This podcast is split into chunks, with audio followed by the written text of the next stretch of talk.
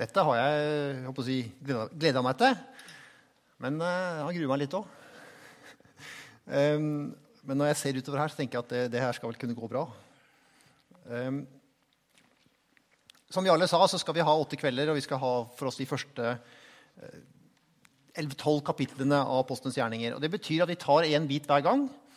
Og så skal vi si litt grann, si, overordna om den, det kapittelet. eller hva det er, Og så tar vi ut ett tekstavsnitt som vi sier litt mer om. Innafor hver bit. Eh, og det er litt opp til den enkelte foreleser hvilken bit de fokuserer på innafor den eh, si, ramma som de har fått. Um, og, så I dag så skal vi gjøre to ting. Vi skal se litt på håper si, um, Vi skal se litt på, på, på selve boka, Apostels gjerninger, noe sånn innledningsstoff. Bitte lite grann. Og så skal vi snakke litt om eh, det som er Peters tale på pinsedagen. Den skal vi bruke bitte litt tid på. Um, og som vi alle sa, så kommer du til å få en sånn, en sånn handout hver gang. Det kommer sikkert til å komme noe på veggen også, og det vil være omtrent det samme. Men først nå litt om liksom, apostlenes gjerninger som tekst og som bok. Begynner litt med det. Og det er jo fortellingen om Jesu død oppstandelse som er sentrum i Det nye testamentet. Og evangeliene er jo fortellingen om selve begivenheten. Og så er jo resten av Nytestamentet er jo en fortelling om konsekvensene av Jesu død og oppstandelse. Og deres spørsmål om Jesu død og oppstandelse er jo på en måte en ja, Det er en ganske godt historisk bevitna hendelse at Jesus sto fra de døde. Men det er jo allikevel noe som vi først og fremst må forholde oss til i tro.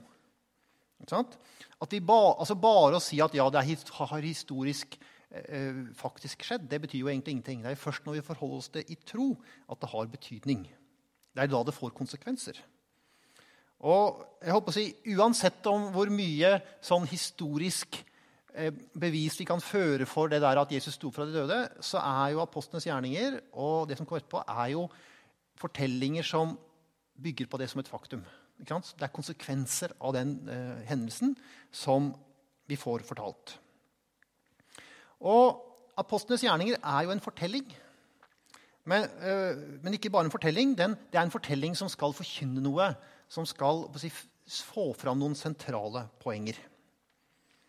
Og det ser vi si, helt i begynnelsen. Fordi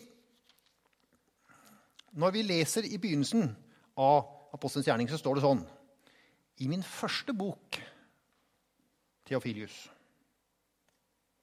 Ja, ok. Og så Dere som vet at Det er jo fra, det henviser jo til begynnelsen av Lukasevangeliet. ikke sant? Og Vi leser derfra først, og der står det sånn. Det er mange som har forsøkt å gi en fremstilling av det som har skjedd iblant oss, slik vi har fått det overlevert av dem som helt fra først da var øyenvitnere og ordets tjenere. Nå har jeg gått nøye gjennom alt fra begynnelsen og besluttet å skrive det ned for deg i sammenheng, ærede Theofilius, for at du skal forstå hvor pålitelig det er, det du har undervist i. De første versene av Lukas' evangelium. Og vi ser at Han som har skrevet her, han har jo hatt et helt klart hensikt. Han skal skrive ned noe i sammenheng. Det betyr jo helt tydelig at han har gjort noen utvalg, satt sammen noe og skrevet det i sammenheng for å fortelle denne Theofilius hvor troverdig dette er. Det betyr jo at han som han skriver til, han, kunne, han hadde hørt om dette forhånd, på forhånd. Og så får han, han kanskje hatt noen spørsmål, og så skriver han se her, her. Sånn foregikk dette, og se hvor troverdig det er. Og så skriver han en bok til. Så vi tenker at det er jo samme forfatteren av Lukas' evangeliet og apostlenes gjerninger. Så da begynner han sånn. I min første bok skrev jeg ned om alt det Jesus gjorde, og lærte fra begynnelsen av. Til den dagen han ble tatt opp av himmelen ved Den hellige ånd, hadde gitt sin påbud til apostlene osv. Så, videre. så det er samme forfatter til evangelium og gjerningene. Og begge, begge innledningene legger opp til at her kommer det en hva skal vi si, litt sånn nøktern fremstilling av de faktiske forhold. Og Det er for så vidt riktig, men samtidig er det jo helt tydelig at eh, forfatteren han har en hensikt og en målsetting. Det er noe han vil ha fram. Noe som er særlig viktig. Og da kan vi jo stille spørsmål ok, hva var det som var det viktigste. Og gjennom det så kan vi lete oss fram til hva som er apostlenes gjerningers hovedtema og hensikt. Og det er det vi skal snakke litt om nå. Fordi det er ikke bare snakk om å, liksom, å gjenfortelle hva som skjedde, men det er gjenfortelle og så forklare hva det betyr. Og det er nettopp det at sant, Fortellingen er fortolka. Ja, altså, fortellingene er teologiske fortellinger som forteller noe, og hva det betyr. Hva slags hensikt de hendelsene hadde, og hva som er viktig med de. Så det beretter om historiske hendelser. Og gjennom hele bibelhistorien så er det jo bare noen ganske få steder hvor vi liksom kan etterprøve og si at ja, dette har vi liksom sånn helt håndfaste bevis for at det faktisk skjedde. Noen ting i Nytestamentet og kanskje noen bitte få i Gammeltestamentet. Men det er jo ikke Og det er viktig at det er historiske fundamenter som det står på, men det er jo den teologiske betydningen som er viktig for oss. Og, noen, og, og så Bibelen vil jo, vil jo, gjenfortelle noe. Sånn skjedde det. Og si noe om hva det betydde for de som tror på oppstandelsen. Ja.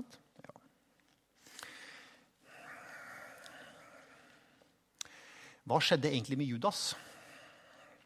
Ja, Det er jo et par ting i begynnelsen der som er litt sånn hmm, vi kan fundere på, tenke litt på og lure litt på. Vi skal ikke bruke så lang tid på det, men jeg har lyst til å ta det med allikevel. Fordi i fortellingen her i Apostlenes gjerninger så fortelles det jo om, øh, om øh, Judas at han Åssen er det dette står? Ikke sant? Det står jo om at han falt hodestups i en åker, og buken revnet, og alle innvollene veltet ut. Sånn gikk det med Judas. Men hvis vi leser i Matteusevangeliet, så står det at Judas gikk bort og hengte seg. Så det er to forskjellige fortellinger om hva som skjedde med Judas. Og i Apostlenes gjerninger så forteller, så forteller jo forfatteren at disiplene skulle være i Jerusalem. Og så fortelles det at de gikk ut på Oljeberget og så reiste Jesus opp til himmelen. Mens Matteus forteller jo at de reiste opp til Galilea og var i Galilea når Jesus reiste hjem til himmelen. Så det, det, helt, det, stemmer liksom ikke helt overens. Og hvis man leser fortellingen i de første, liksom, første biten av apostlenes gjerninger, så, og så etterpå leser Paulus brev om, at, eh, om hvem, hvordan, hvordan liksom Jesus var sammen med de første disiplene, så stemmer liksom ikke helt overens. Så det kan man jo gruble litt på. Åssen henger det egentlig sammen? Er dette for noe rart? Og Det tror jeg bare illustrerer det poenget at disse fortellingene de har en teologisk hensikt. Og Det betyr at når det skrives ned, så er det de overordnede målsettingene hva er det jeg vil ha fram, som styrer hvordan de velger ut stoff. For det er helt klart at Her har Matteus og Lukas hatt tilgang til ulike kilder og ulike fortellinger. Og så har de valgt å skrevet ned. Gjør det det mindre troverdig? Nei, snarere tvert imot, spør du meg det er jo nettopp derfor vi får fram si, de ulike fortellingene om det som skjedde. Og alle vet Lenge er det siden, er det siden krigen. 70 år, er det nå? Ja, ikke sant? Og fremdeles så, og Fortellingen om krigen er tydeligvis langt ifra ferdig fortalt i Norge. Vi har mange ting som det fremdeles ikke er lov å snakke om ennå. Bare prøv å skrive, og så ser du åssen det går. Og det sier, om at, det sier noe om at her også når apostlenes gjerning er skrevet, sånn 50-60 år etter Jesu, Jesu døde, så er det noe med å gjennomgå, bruke kilder, hente fram stoff og så skape en fortelling. Det betyr ikke at det ene er uh, juks og det andre er sant, men det betyr at de har altså litt ulike innganger til det. Så når Lukas har skrevet sin fortelling, så har han hatt en helt klar hensikt. Og Det er den hensikten som styrer si, hvordan fortellingen struktureres og bestemmes. Og Da har vi altså noen steder noen sånne at vi kan lese fortellinger, og så stemmer det liksom ikke helt overens. Eh, og Det handler ikke om at noen har funnet på noe, men det handler om at de har hatt ulike kilder til stoffet.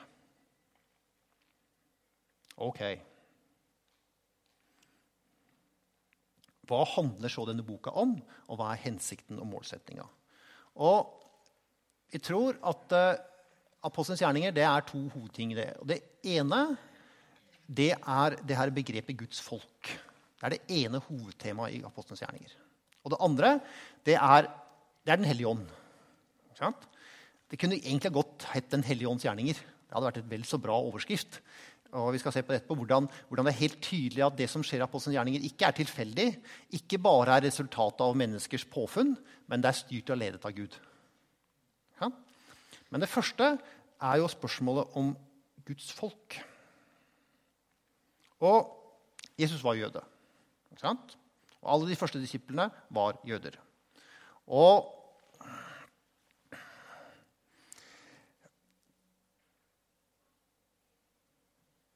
Samtidig så skjønner vi i evangeliene at det ligger sånn der, et eller annet under her som, liksom, som, som sprenger den rammen. no, Vi tenker jo sånn helt implisitt at, klart at evangeliet skulle ut til alle.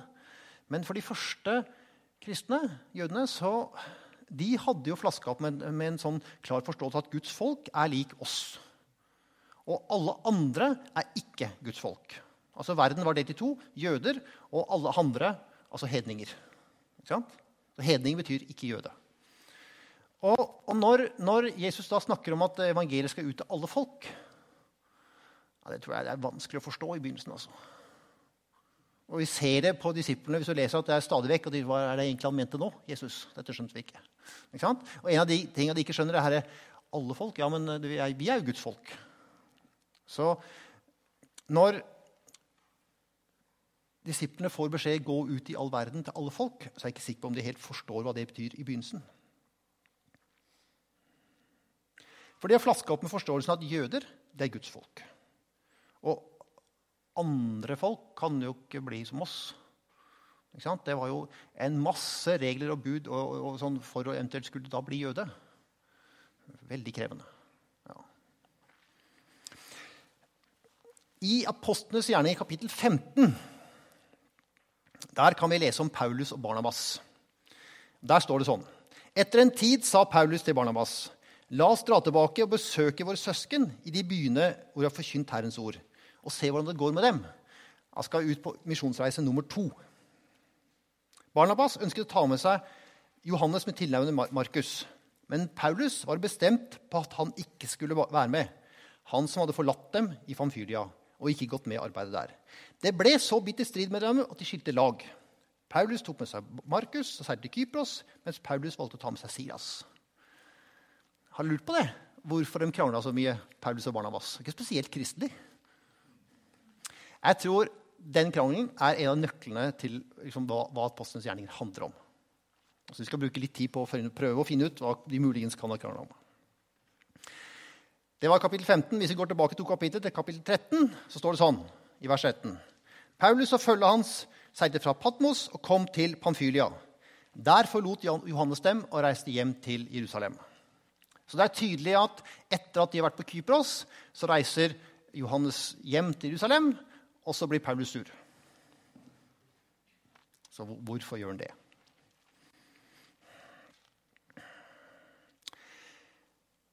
Den herre Johannes Markus Det er ikke helt utenkelig at det er Markus som har skrevet Markus' evangeliet. Ikke helt sikker på det, men antageligvis kanskje er det han. Er, liksom, de, de, første kristne forteller jo at Peter fortalte sin fortelling til Markus, som skrev det ned. Og det kan være han her. Kanskje. Så det er liksom ikke noe hvem som helst da.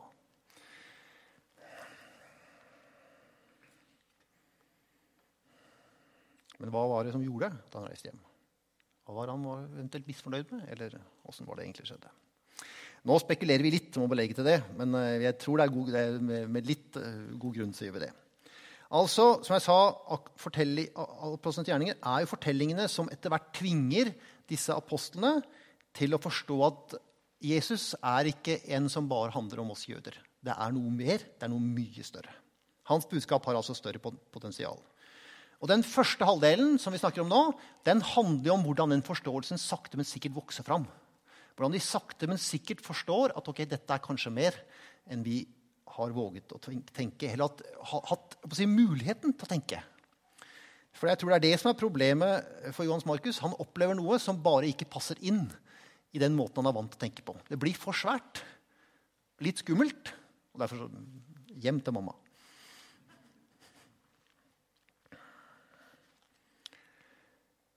Apostlenes gjerninger slutter jo med at Paulus til, kommer til Roma. Og Ideen er jo på en måte at når han kommer til Roma, Da er liksom hele verden nådd, for alle veier fører til Rom. ikke sant? Så når, så når liksom evangeliet er brakt til Roma, så er på en måte hele verden nådd. sånn, i anførselstegn. Og det er det, det er det denne fortellingen skal fortelle om. Hvordan evangeliet bringes ut i hele verden. I begynnelsen så handler jo fortellingen om det som skjer inne i Jerusalem. Men så, i kapittel 7, så begynner den horisonten å utvide seg. Da leser vi om at noen i Samaria tar imot evangeliet. Samaritanere det er jo det som i dag som heter Vestbredden omtrent. ikke sant? Og Vanligvis så gikk jo jødene rundt Samaria hvis de skulle fra Galilea til Jerusalem.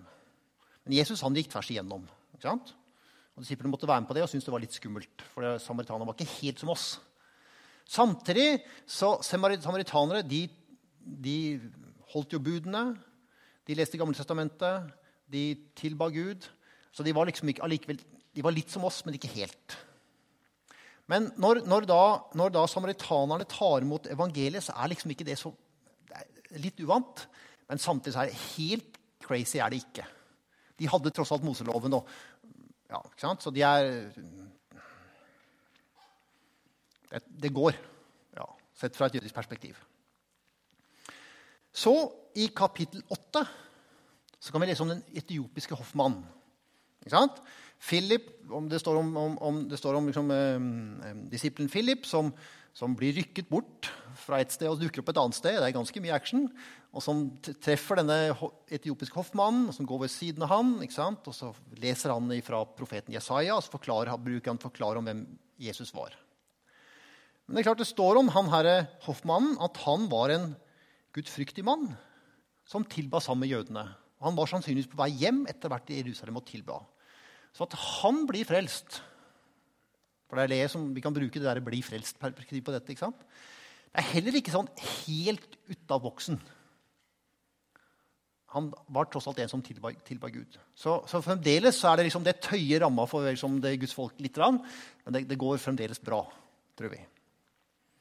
Så I kapittel 9 er det jo Paulus, men han var jøde, så det går jo helt fint. Selv om han også var romer. Men han var jøde, så det går bra. Så i kapittel 10 da begynner det liksom å bli litt mer action. Da kommer vi til Kornelius.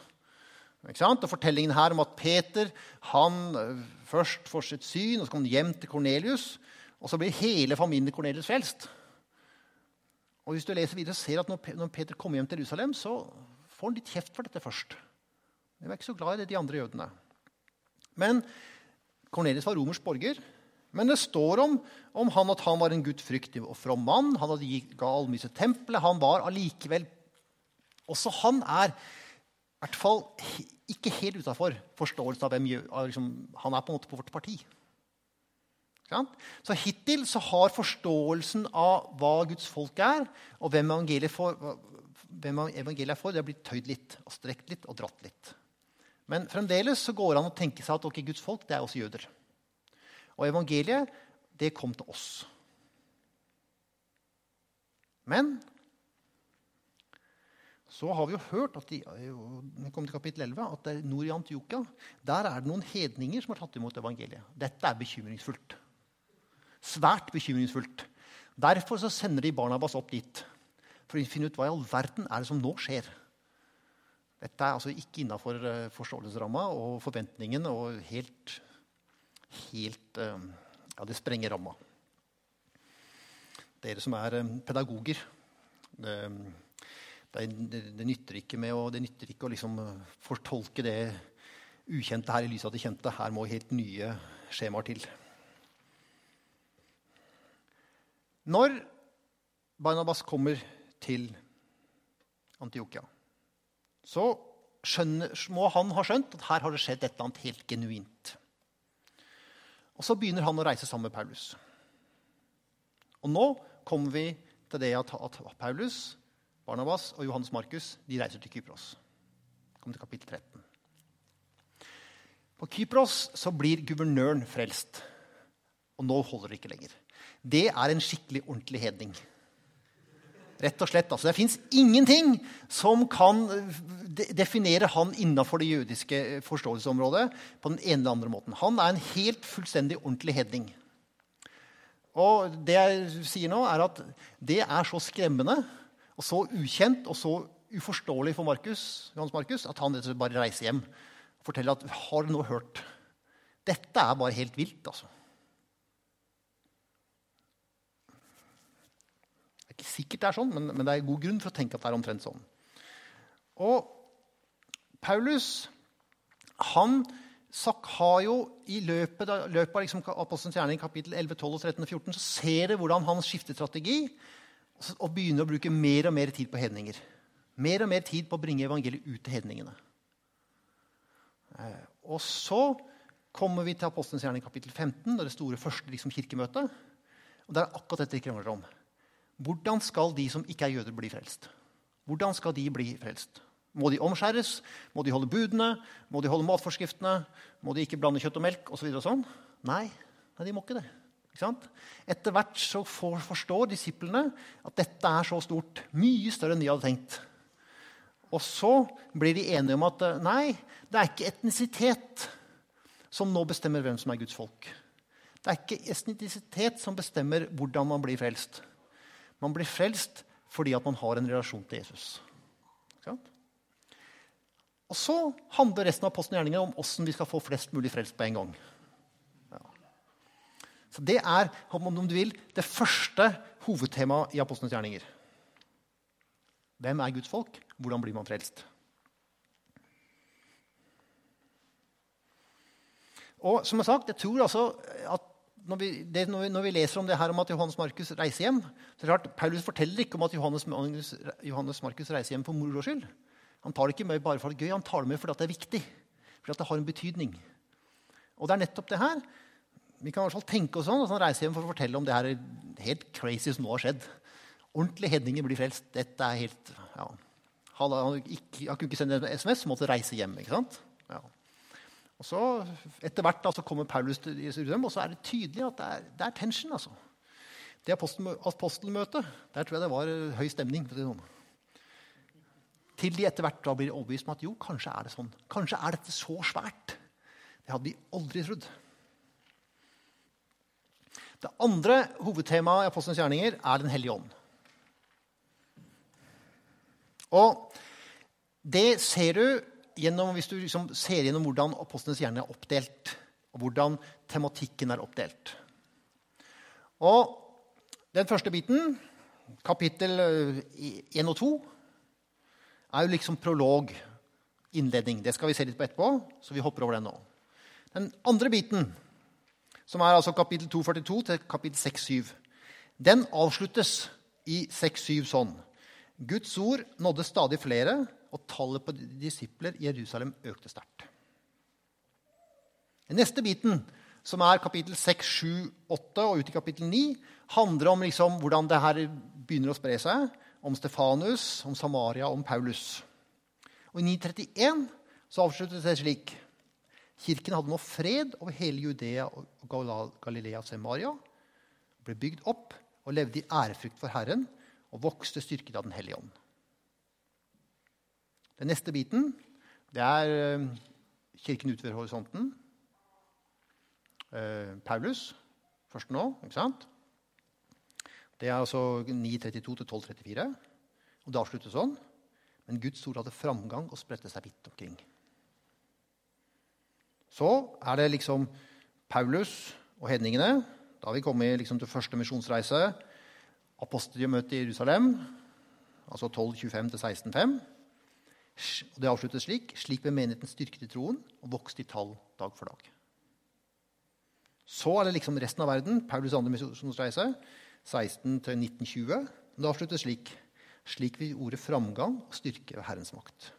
Og så helt til slutt 2831, avslutningen. To år levde Paulus i huset han hadde leid seg, altså i Roma, og tok imot alle som kom til ham.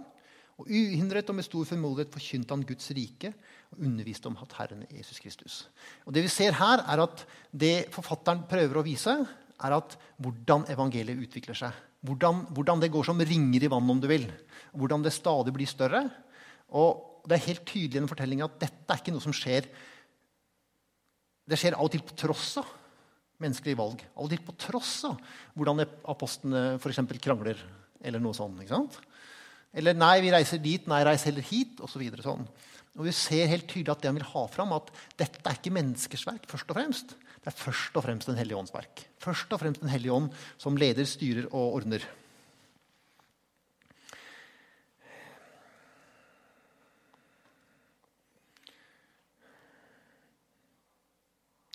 Så, så, så, så, det er det, liksom, om du vil, det andre hovedtemaet. Og du ser det hvordan, det er, hvordan teksten er strukturert. Hvordan dette handler om Guds ledelse, Guds virke og Den hellige ånds arbeid. Vi tror jo på en treenighet. Altså på en Gud som skaper verden ferdig, en Jesus som gjør et frelsesverk, og Den hellige ånd som skal fullføre det. Apostlenes gjerninger viser veldig tydelig det, hvordan, det er, hvordan Den hellige ånd setter i gang det verket og fullfører det inntil evangeliet kommer til Roma, altså at hele verden er nådd. Ja. Så var det litt igjen, da. Det er derfor vi er her. Fordi de var ikke helt ferdig. Spørsmål?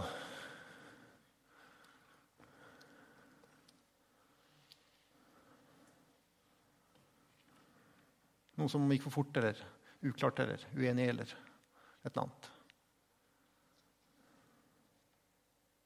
Ok? Fint. Ja. Um, um, altså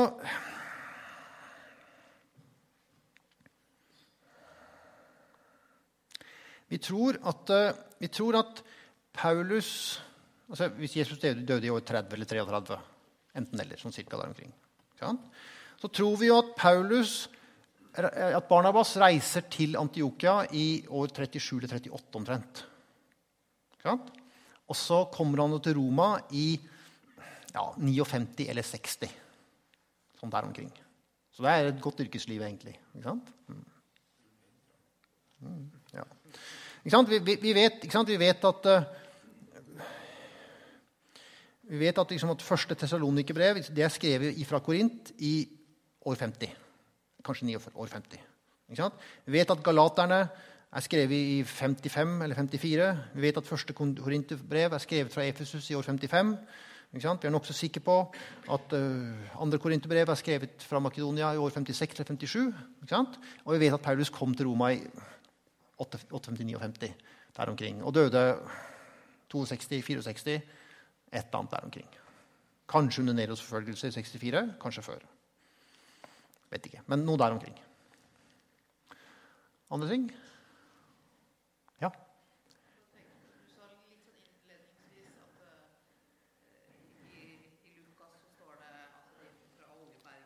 Ja. Mm.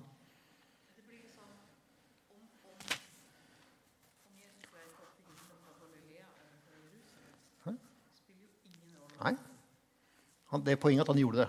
Hvordan, hvordan, hvordan, hvordan, Matteus, hvordan Judas endte sitt liv, er heller ikke så viktig, men at han gjorde det som en konsekvens av handlingen sin, ja, det er rimelig sikkert. ikke sant?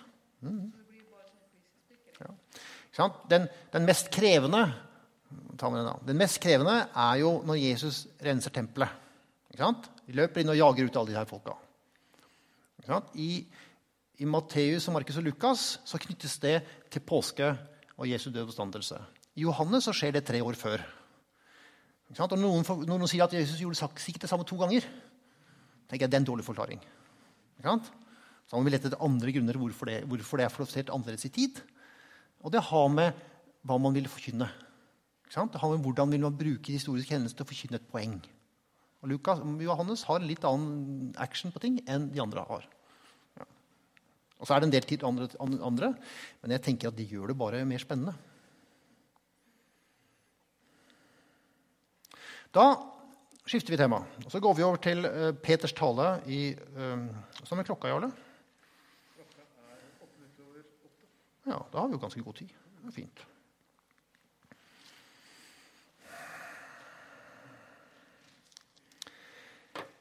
Den første delen av de første to kapitlene i Apostelens gjerninger så leser vi jo om, vi leser om pinsedagen. ikke sant?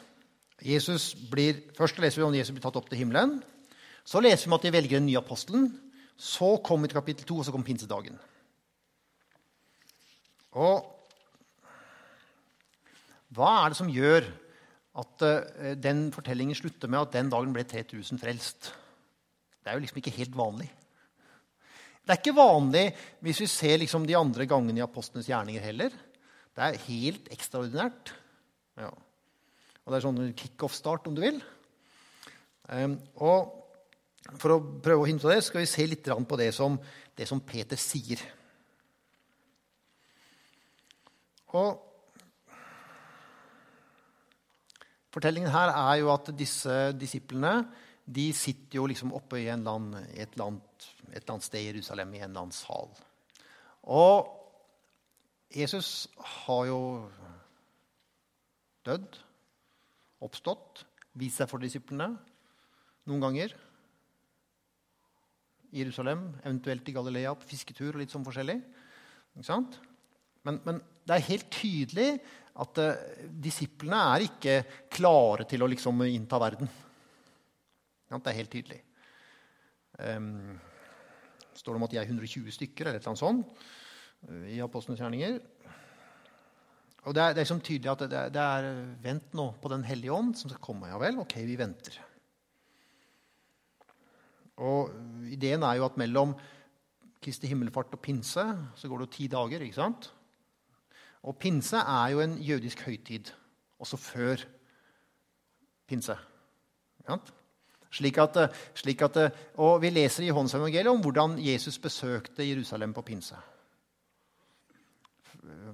Det står om, om strømmer av levende vann i Johannes-evangeliet. Da er Jesus og besøker Jerusalem i pinsen. Og De pleide jo å vaske byen med vann. Det er derfor han bruker det bildet eh, i Johannes. Men det er en, en, en, av de store høytidene. Masse folk i byen. Helt fullt. Smekka fullt. Sannsynligvis. Og så får vi jo denne her fortellingen om, om pinseunderet, at Den hellige ånd kommer. Tunger av ild og brus og bulder og brak. Ikke sant? Og, og det, er, det, er tilsvarende, det er tilsvarende fortelling om, om hvordan Gud åpenbarer seg, som du kan finne i Gammeltestamentet. Ild og røyk og lyd og konsekvenser av det. Og så går de ut i byen, tydeligvis da. Og så Hva er dette for noe? Er dette slags galskap? Ikke sant? Det som er responsen fra folket. Er de, er de, er de fulle? Og sier Peter nei, det er for tidlig på dagen. Jeg vet ikke om det er noe godt argument sånn i seg selv. men, men, i hvert fall. Og så kommer det som da er Peters tale. Og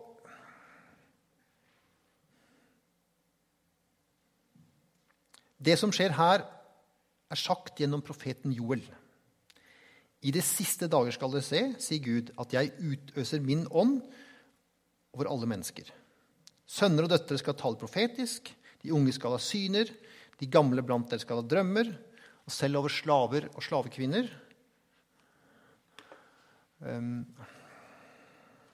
skal vil jeg i dag, i dag utøse min ånd og de skal tale profetisk. Og jeg lar varsler vise seg opp på himmelen, og tegn på jorden, og blod, ild og røyksyler, og solen skal forvandles til mørke og månen til blod, før Herrens dag, den store strålende. Men hver den som påkaller Herrens navn, skal bli frelst. Første del. Og Det er et sitat fra profeten Joel. Og Hvis du bare sammenligner, så er det, det er helt likt, egentlig. Det står, I den norske oversettelsen så står det 'Den som påkaller Herrens navn, skal bli berget' i Joel, men det står 'frelst' her. Men ordet er omtrent det samme, så det går, det går fint. Så med det som utgangspunkt så, så, så, så begynner Petter om du vil, å forkynne. Israelitter, hør disse ord. Jesus fra Nasaret var en mann som Gud pekte ut for dere. Mektige gjerninger og under og tegn som Gud kan gjøre blant dere. Alt dette kjenner dere til. Altså, De fleste av dere som er her, som hører på meg nå, Peter, dere vet jo hvem Jesus er. Dere har hørt og sett hva han har gjort.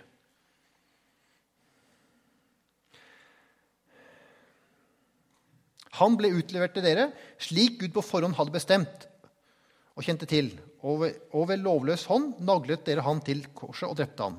Men Gud reiste han opp og løste han fra døden. Døden var ikke sterk nok til å holde ham fast, for David sier om han. Og Så kommer et nytt sitat fra Gammeltestamentet. Og Det sitatet som kommer nå, fra, fra Salme 16, er det vel, det, alle er enige om at det er en Messias-profeti. Alle alle som, kunne sin gamle testament, vet her, her tales det om Messias. Ja.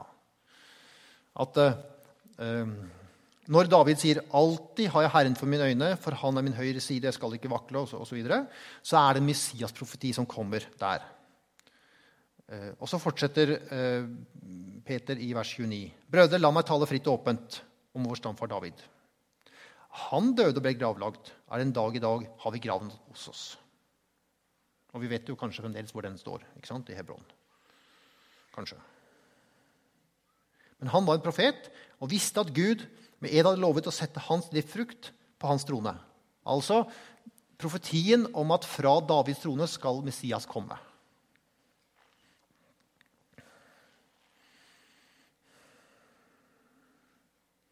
Derfor så han inn i fremtiden og talte om Messias skulle stå opp.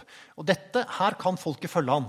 Folk som hører, de, de, kan dette, de vet dette. Ja, det stemmer, det. Messias skulle komme fra Davids sønn. Han skulle settes på tronen.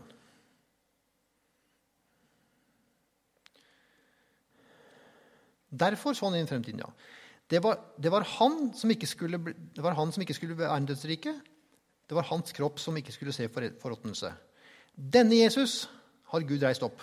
Og Nå tar, gjør Peter et sprang, for nå kobler han Gammeltestamentet sammen med det som har skjedd.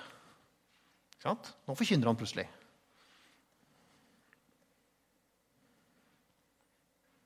Denne Jesus har Gud reist opp. Reist opp. Det er vi, det er vi vitner om. Han ble opphøyd i Guds høyre hånd og mottok, mottok fra sin far den, ånd, den hellige ånd, som var lovet oss, og som han nå har utøst, slik dere ser og hører. David for, opp, for, ikke opp til himmelen, for han sier jo tilbake til Gammeltestamentet, fortsetter på profetien. Herren satt i min herre, sett deg ved min høyre hånd. Så jeg får lagt dine fiender som skammer for møter. Så skal hele Israelfolk vite for visst. Denne Jesus som dere korsfestet, han har Gud gjort til både Herre og Messias. Det forkynner han igjen. ikke sant? Så han, han veksler mellom å lese over Gammeltestamentet tekster som alle kjente. Altså, de var jo jøder alle sammen. Det betyr at de hadde grundig opplæring. De kunne dette på rams. Og Så tar han tekstene og så tar han, dette har nå skjedd. Og så forkynner han hvordan det som nå har skjedd, oppfyller, oppfyller profetiene. Og så blir det til en forkynnelse av noe, noe nytt som har skjedd. Så han begynner altså i Gammeltestamentet med løftet om en ny tid. Løftet om en bedre framtid. Samtidig så står det om, det står om Herrens dag. Og det, hvis, du leser, hvis du slår opp i eh, bibelen.no, Herrens dag, skriv inn, så får du opp 23 tilfeller. Og det handler alltid om dom på et eller annet vis. I Nytestamentet handler det alltid om den dommen som kommer til slutt. Altså at jorda skal, denne jorda skal avsluttes, og den nye skal komme. I Gammeltestamentet så handler det om at noen dømmes. Enten det er eh, folk i Babylon eller jødene eller noen fiender. Det er noen som dømmes. Og I Gammeltestamentet er det jo slik at når noen dømmes, så kommer det en ny begynnelse etterpå. Hvis det er jødenes folk som dømmes, så er det fordi de har, de har ikke levd sånn som Bibelen sa. Og så må de straffes for det. Og så begynner det på nytt igjen. F.eks. at de blir bort, bort, bort bortvist til eksil i Babylon. Så vi er der i 70 år. Tilbake, og så begynner vi på nytt. måte. Så, men allikevel så er det en sånn i de siste tider altså løfte om en ny tid. Og et løfte om at den som nå, når ting nå er krevende, når det nå er eh, forfølgelse, når vi nå er i de siste tider, når dommen nå er nær og ikke den som påkaller Herrens navn, han skal bli frelst. Og det viktigste tegnet på at vi er i de siste tider, det er jo at Messias skulle komme. Når, når, Messias kommer, da begynner liksom den siste delen av vår tidsregning. Det er den jødiske forståelsen av det. Lengselen etter Messias er både en sånn lengsel etter den som skal være redningsmannen. Samtidig så er Messias også innvarsling om at nå kommer det nye, den siste tida.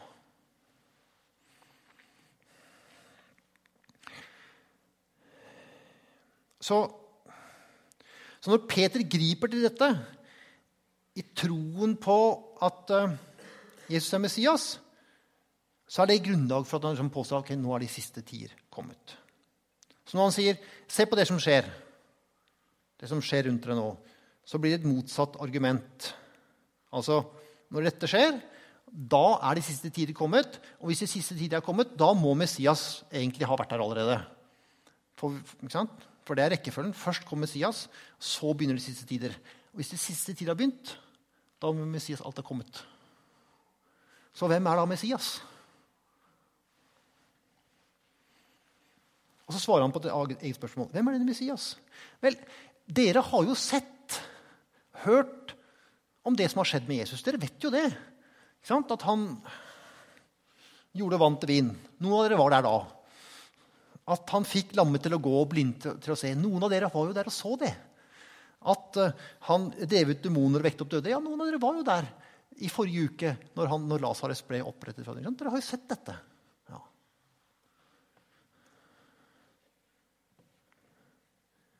Og ikke nok med det. Han som si, gjorde disse undrene, disse si, små undrene om du vil, han har gjort det nå det største, det ultimate. Han har ovnet døden. Ja? Og hvem er, som, hvem er, det som, gjør det? Hvem er det som gjør sånne tegn og under og overvinner døden? Jo, det er Messias. Altså er dette Messias. Altså er de siste tider nå kommet. Altså det som dere nå ser, ser at uh, vi ikke er fulle, men vi forkynner, er et tegn på det. Nettopp at ånden skulle utøses over alt folk. Det er det dere ser nå. Det betyr at siste tider. Derfor må Messias kommet. Og hvem er det? Jo, det må være Jesus. Det er liksom kjerneargumentet i den talen.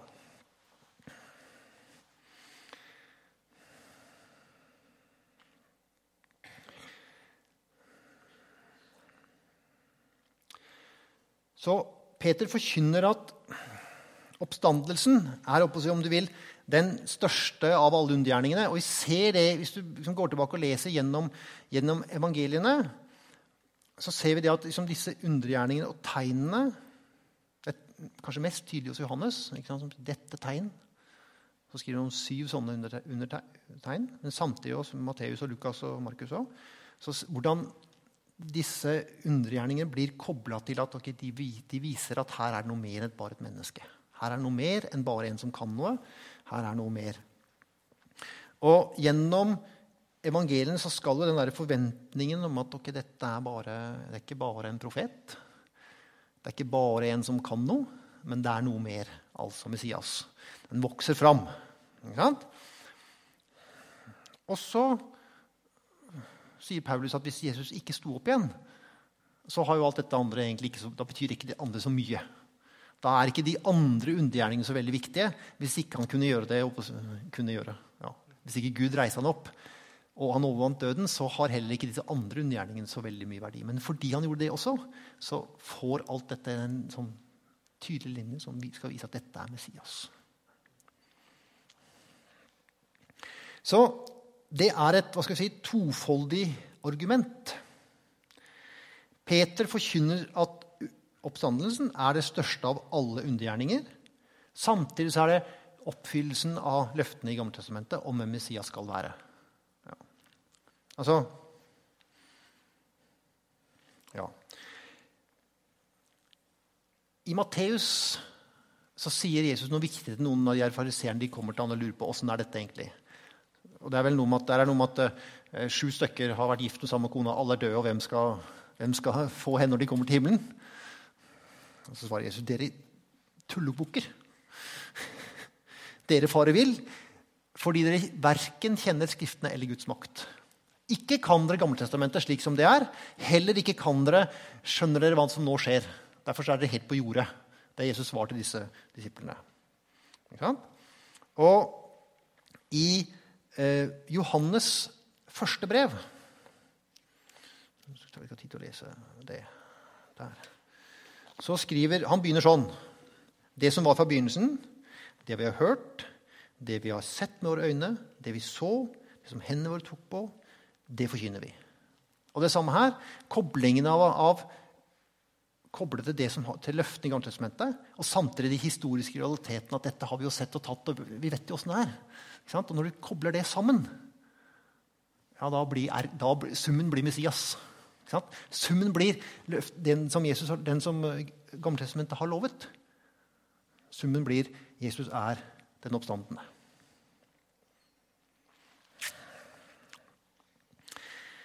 Men allikevel, altså. Det er ikke noe sånn derre eh, Nå har vi jo plukka den talen fra hverandre. Hvor, hvor bra var den, var den, egentlig? Ikke sant? Og den, så, den, har en sånn logisk oppbygning, og den var sikkert levert med, med innlevelse og kraft. Det ser sånn ut. Men jeg, når jeg leser den, og så ser liksom resultatet, så tenker jeg på noe jeg opplevde en gang for mange år siden. mens mens var, vi reiste på team et år. Så var vi Bryne. I en sånn der arbeidskirke Bryne. Og Da var det et eller annet sånt kor som sang litt sånn ompa-ompa. Det var liksom sånn passe bra. Og så var det jo det teamet som jeg var med i, og det var liksom dans og drama, fullt trøkk og lyd og lys. og bang! Og så var det han der Arne Nordengen som er prest, og han taler bare om Sør-Afrika, om apartheid. Og det gjorde han den kvelden òg. Og så rant det fram med folk som skulle bli frelst. Hva skjedde egentlig nå? Og jeg tror har en litt følelse at det er det samme her. ikke sant? Fra redde disipler og en tale til 3000 frelst. Det er, det er veldig merkelig, egentlig.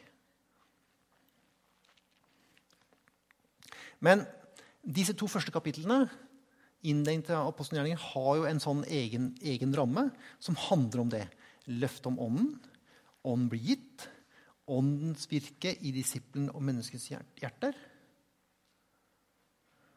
Og så utgangspunktet at nå kan evangeliet nå resten av verden. Så, så når, når, når, vi stopper der, i vers 41 Jeg var egentlig litt sur på meg selv, for jeg hadde så veldig lyst til å si noe om 42-47, for det er så veldig mye gøy, men det, noen, det, må noen andre få lov å gjøre. Så, eh, så er det jo nettopp det, nettopp det jeg tenker vi, vi, vi ser akkurat det som er eh, om du vil, hovedpoenget. Altså at Ja, de hørte dette, stakk dem i hjertet, og de sa til Peter, 'Hva skal vi gjøre?' Og Peter svarte, 'Venn, om dere døpe og hver av dere skal få tid for syndene, og dere skal få Den hellige ånds gave.' Altså Det første der eh, hva som stakk dem i hjertet, er ikke sikkert det var, bare, det var ikke bare Peters tale. Nei, det var Den hellige ånd som overbeviste dem. Ikke sant? Frelse er ikke noe som vi skaper, men det er Ånden som skaper det. Behov og frelse. Så vi ser her at Ånden virker. Ikke sant? Og så, og så er forkynnelsen av omvendelsen, frelsen, altså hver den som påkaller Herrens navn, skal bli frelst, har, Peter, har han akkurat sagt til ham. Det er det dere kan gjøre nå. Og så skal dere få Den hellige ånd. Altså Så skal dere bli del av det laget som nå skal være med og bringe evangeliet til verdens ende. Du skal stoppe der. Ja. Da kan du få lov å overta. Så fint. Skal vi gi han en uh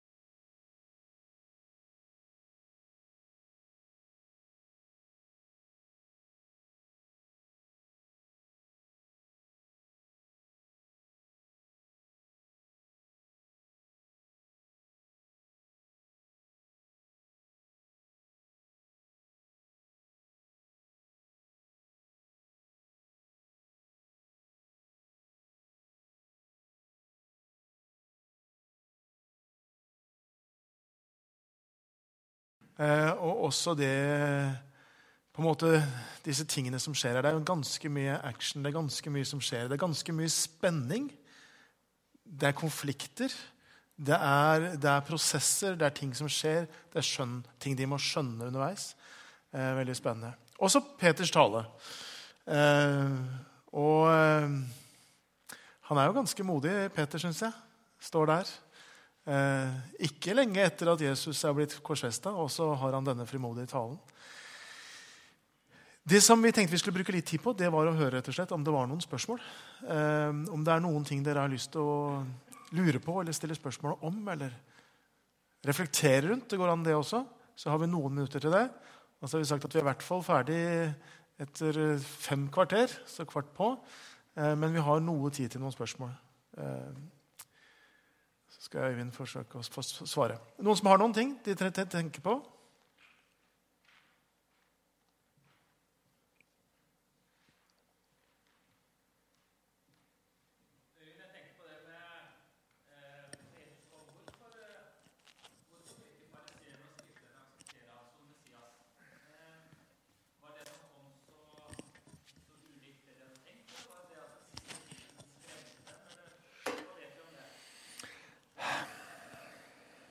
Det er jo en helt ny bibelskole. Eh,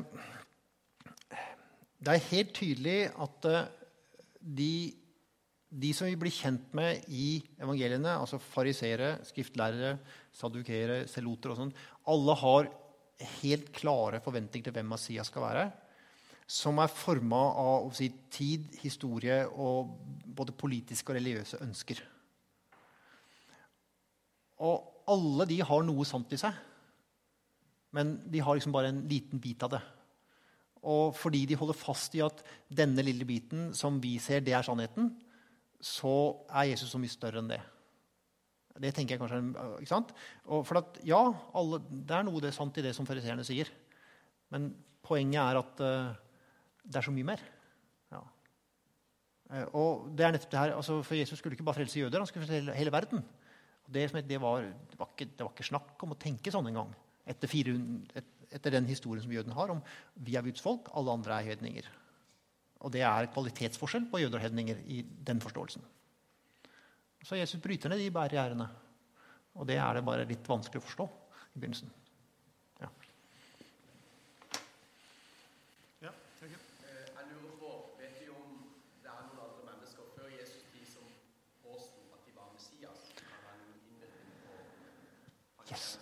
er jo en hel haug. Ikke sant? En hel rekke med Messias-wannabes. Eh, ikke sant? I, I, perioden altså, Vi tror jo at Gammeltestamentet slutter sånn omtrent ca. 400 år før Jesus. Og så er det liksom en periode der som jo eh, vi kan lese om i Makaber-bøkene f.eks. Veldig masse gøy og spennende lesning. Og Der kan vi lese om flere sånne som, som sier at 'jeg er Messias'. Felles for de er jo at de har en mye tydeligere politisk agenda. At de får eh, noen eh, følgere, og at de blir meia ned av romerne. Det er felles for alle. Altså det er En kort periode, et lite opprør, og uh, okkupasjonsmakten, enten romerne eller um, grekerne før det, de, liksom, de meier over de. Og, og, og, så blir de borte. Og Det er en, i hvert fall fire-fem sånne som på ulike måter påstår at de er Messias, men de har et helt tydelig politisk budskap som er liksom kontekstuelt i den situasjonen de står i. ikke sant? Ja. Yep.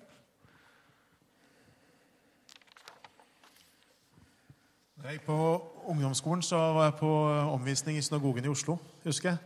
Så da satt jeg nedi sånn, og så stilte jeg spørsmål til han som da var synagogeforstander. eller hva det heter for noe. Så spurte jeg om eh, akkurat det. Hva, hva mener jødene om Jesus, da? spurte jeg. Ja.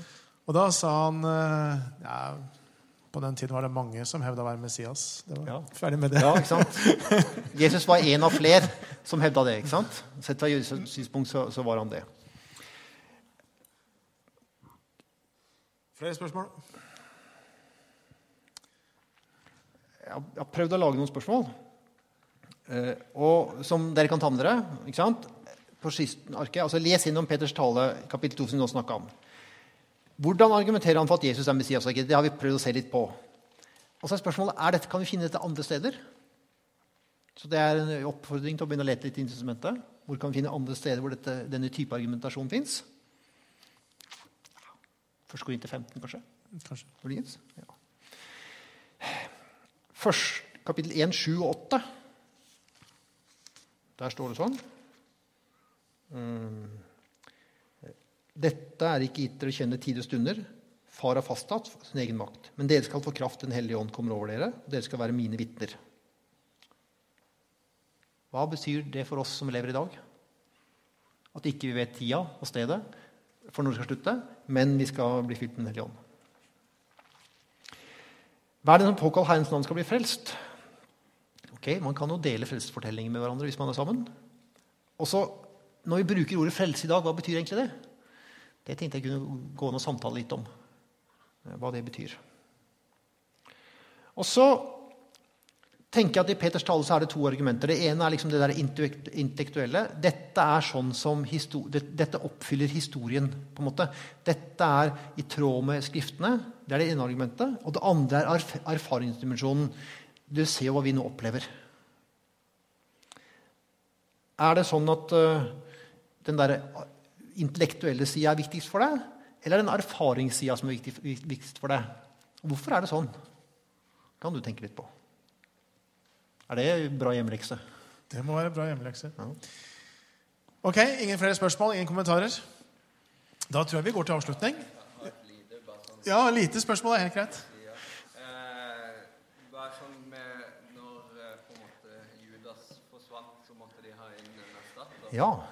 Og der sto det mellom to. Ja. Så derfor tenkte jeg litt Når de på en måte var eh, Følte seg litt få, da. At eh, de valgte bare én istedenfor å ta begge to. Tolv disipler henger jo helt sikkert sammen med tolv stammer i jødefolket. ikke sant? Og at Jesus valgte ut tolv, én blir borte, så må vi komplementere det tallet. Det tenker jeg er den viktigste grunnen til at de bare valgte én. Så er det jo hvorfor valgte de han. Noen vil jo mene at de skulle ikke velge noen fordi at Paulus skulle ta den plassen. og hvorfor kastet de lodd? Det er en masse morsomt der. som kan jobbe med, Men, men svaret på det tenker jeg er at fordi det var tolv stammer, så valgte Jesus tolv disipler. eh, Og derfor så måtte det være tolv. Ja. Ja, noe sånt. Ikke sant? Fryktelig gøy at dere kom. Håper dere kommer neste gang. Ja. Hvem er det som underviser neste gang? eh, Hadde du programmet der? Neste gang da er det kapittel 2, 42 til 437 og Lars Rommedal. Det tror jeg også blir, det blir veldig bra. Ikke sant, Marius? Ja. Vi skal avslutte med å be, Ja. så det gjør vi. Skal vi ta oss reise oss opp? Og så lurte jeg rett og slett Kunne jeg, ja.